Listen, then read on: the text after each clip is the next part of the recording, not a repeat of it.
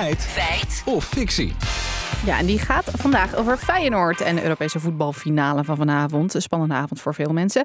Uh, met ook een groot dilemma dat in veel gezinnen speelt. Ja, inderdaad. Want hoe hou je jonge kinderen wakker die heel graag toch ook die finale willen zien? De zevenjarige Feyenoord-fan Olivier gaat normaal om zeven uur naar bed. Maar vanavond begint die wedstrijd tegen AS Roma pas om negen uur.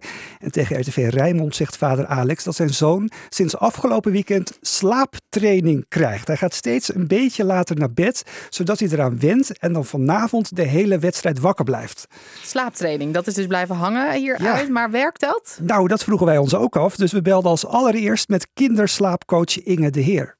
Ja, dat helpt niet voor vanavond, denk ik. Ik denk dat het juist uh, misschien wel een beetje tegen kan werken. Omdat uh, ja, als hij dagen van tevoren al, al later naar bed gaat, bouwt hij eigenlijk alleen maar vermoeidheid op. En is er denk ik zelfs een grotere kans dat hij vanavond tijdens de wedstrijd in slaap valt. Oh, wat erg. Wat maakt het dus eigenlijk alleen maar erger? Arme Olivier, ja, daar lijkt het wel op. Hoogleraar slaapgeneeskunde Gert-Jan Lammers, die zegt het volgende over die slaaptraining. De vraag is of je het moet willen. En ik vraag me ook of het gaat helpen. Want als je echt de biologische klok wilt verzetten, moet je dat eigenlijk met behulp van licht doen. Of met het hormoon dat uh, ja, de veranderde lichtomstandigheden vertaalt naar, naar een ander slaapwaakritme. En dat is melatonine.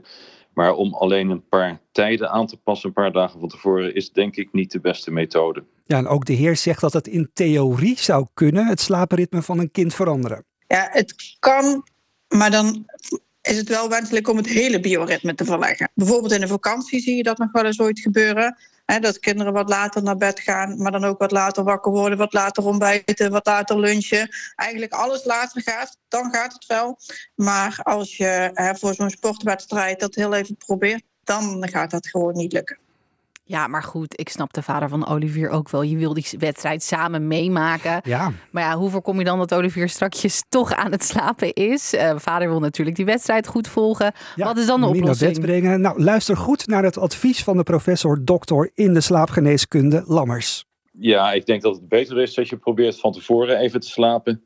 Uh, of uh, als je denkt dat de opwinding over de wedstrijd zo groot uh, zal zijn dat hij toch wel wakker zal blijven, dat je dat, je dat gaat doen. Uh, dan verstoor je minder en, en ja, uiteindelijk herstel je dan denk ik ook weer sneller van wat er gebeurd is. Ja, dus ze doen heel erg hun best met die slaaptraining, maar eigenlijk is het dan misschien beter om een dutje te doen. Dat is dus het advies van de, de ja, wetenschapper. Ja, en ook van de kinderslaapcoach uh, trouwens. Uh, Oké, okay, maar en bij volwassenen dan? Helpt dat dan ook, een discodutje? Ja, vraag je dit voor een vriend? Ja. misschien voor mezelf. Ja, maar... nou, Lammers zegt daar het volgende over kinderen kunnen vaak meer hebben. Hoe ouder je wordt, hoe minder je verstoringen van je biologische klok kunt hebben. Uh, en, en de vraag ook bij eenmalige uitspattingen, zal ik maar zeggen, is of je ja, dat zo ingewikkeld moet maken. Als het eenmalig is, dan zul je er waarschijnlijk vrij snel van herstellen. En zou ik daar niet te moeilijk over doen. Ja, gewoon even een powernapje doen vanavond, Hila. Komt Check. het allemaal goed. Check. Dus feit of fictie gaat die slaaptraining de zevenjarige Olivier vanavond helpen wakker te blijven tijdens Feyenoord AS Roma. Oh, ergens hoop ik dat hij niet luistert. Want nee, de kans dat Olivier er juist door in slaap gaat vallen vanavond is groter. Het is fictie. Olivier, hou vol hè.